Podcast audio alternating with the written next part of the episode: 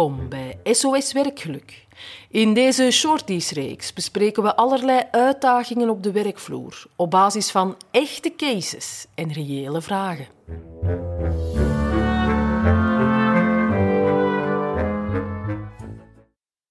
We hebben een fijne vraag binnengekregen. Een leidinggevende die stelde ons het volgende voor. Wat doe je als iemand uitvalt met burn-out? En die persoon is dus afwezig op het werk, maar is blijkbaar wel in staat om kiekjes te posten op Facebook en Instagram van de Belgische kust. Paradise, de Ardennen, we noemen maar wat. Het stigma leeft, het team reageert er heftig op. Ja, wat nu? Kim, wat nu? Wat nu? Uh, eerst en vooral al goed weten hoe zo'n herstelproces van een burn-out echt verloopt. Want dat gaat in stadia. In het eerste stadium, hè, waar de, de complete uitputting en vermoeidheid uh, de grootste rol speelt, zal je dat type kiekjes niet zien.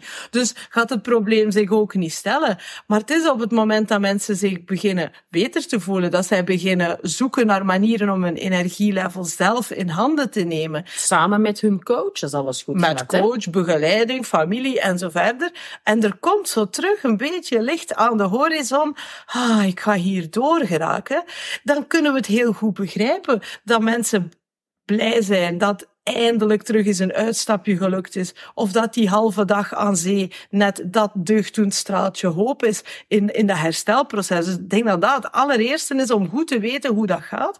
Ja. Um, en en daar zeker ook actief op te spreken met, mm met uw mensen. Want wij als coach, wij gaan zelfs actief aanraden in die, in die tweede fase.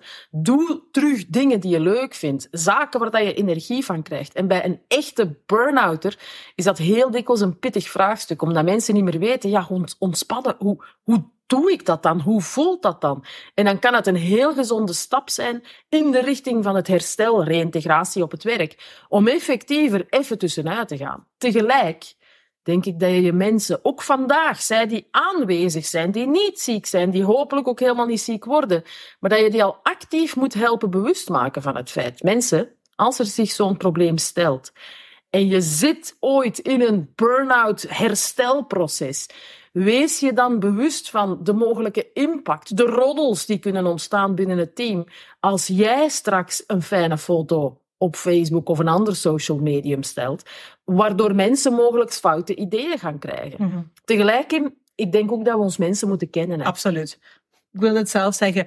Um, we weten allemaal in ons team wie um, de plichtsgetrouwe, trouwe soldaat is die zich hyperschuldig voelt, hè, dat hij nu ook nog eens ziek geworden is en het team in de steek laat ten opzichte van, we moeten daar eerlijk in zijn, uh, iets minder geëngageerde of gemotiveerde medewerkers. En die, die er de kantjes alles, voilà, alles de kantjes ervan aflopen. Um, en als we dat weten, kunnen we op die op dat moment ook, ook met hen het gesprek aangaan. Hè. Um, we gaan nooit mensen met de vinger wijzen, nooit beschuldigen, maar wel ook weer een positief of een constructief feedbackgesprek aangaan. En het ding van, kijk, we zien dit en dit en dit gebeuren. Mogen we daaruit afleiden dat het beter met jou gaat? En op die manier zet je de deur open. Um, en als ze dan zeggen, nee, het gaat echt niet, dan matcht er iets niet. Hè? Dan zitten we niet in dat gezond herstelproces van, oh ja, ik heb eens geprobeerd en het is eigenlijk wel meegevallen en ik ben er blij mee dan ga je wel voelen dat daar um, de, de ruimte naar reïntegratie of naar terugkeer naar het werk terug groter wordt en daar meer op inzetten. Ja, ik denk het allerbelangrijkste dat ons te doen staat, is het stigma zoveel mogelijk van psychosociale problemen halen. Als iemand uitvalt, een arbeider die door zijn rug gegaan is, dan vindt niemand het lastig om de vraag te stellen, zeg, hoe is dat ondertussen met jou? Als iemand thuis gesukkeld is omwille van psychosociale problemen, ja, durf ik wel iets vragen? Oei, ah, wat als ik iets verkeerd zeg?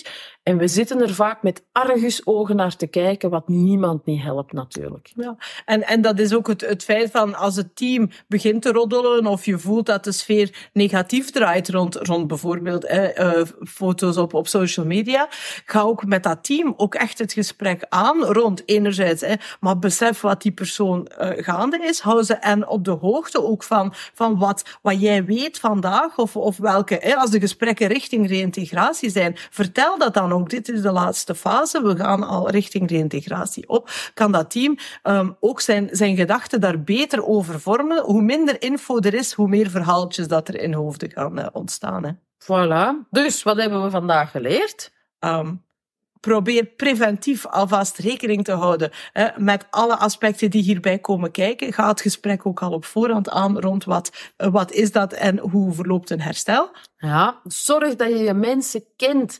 De profiteurs in je team, ja, die ga je misschien eens een kritische bedenking moeten durven sturen als je alleen maar fijne kiekjes ziet terwijl ze afwezig zijn. Maar het zijn vooral die plichtsgetrouwe mensen, die, die loyale zielen, die perfectionisten onder ons, die nooit kantjes afrijden, die sterker nog eerder kantjes gaan bijvoegen om toch maar goed genoeg te presteren. Als die uitvallen en je ziet eindelijk een fijn beeld verschijnen, ja, neem dan ook mee naar je team. Dit is deel van dat herstelproces. Kaderen, kaderen, kaderen. Heel en dan denk ik in, in het derde geval, hè, als, als je mensen echt die inspanning ziet leveren, stappen vooruit ziet doen, geef de ook de positieve, um, de positieve feedback rond. Ik zie dat je echt um, goede stappen zet. Ik voel dat jij voor jezelf aan het zorgen bent. En dat kunnen wij alleen maar leuk vinden, um, want wij hopen jou hè, uh, terug binnen ons team te kunnen ontvangen. Voilà, destigmatiseren. Laat dat vooral ook een kernwoord zijn.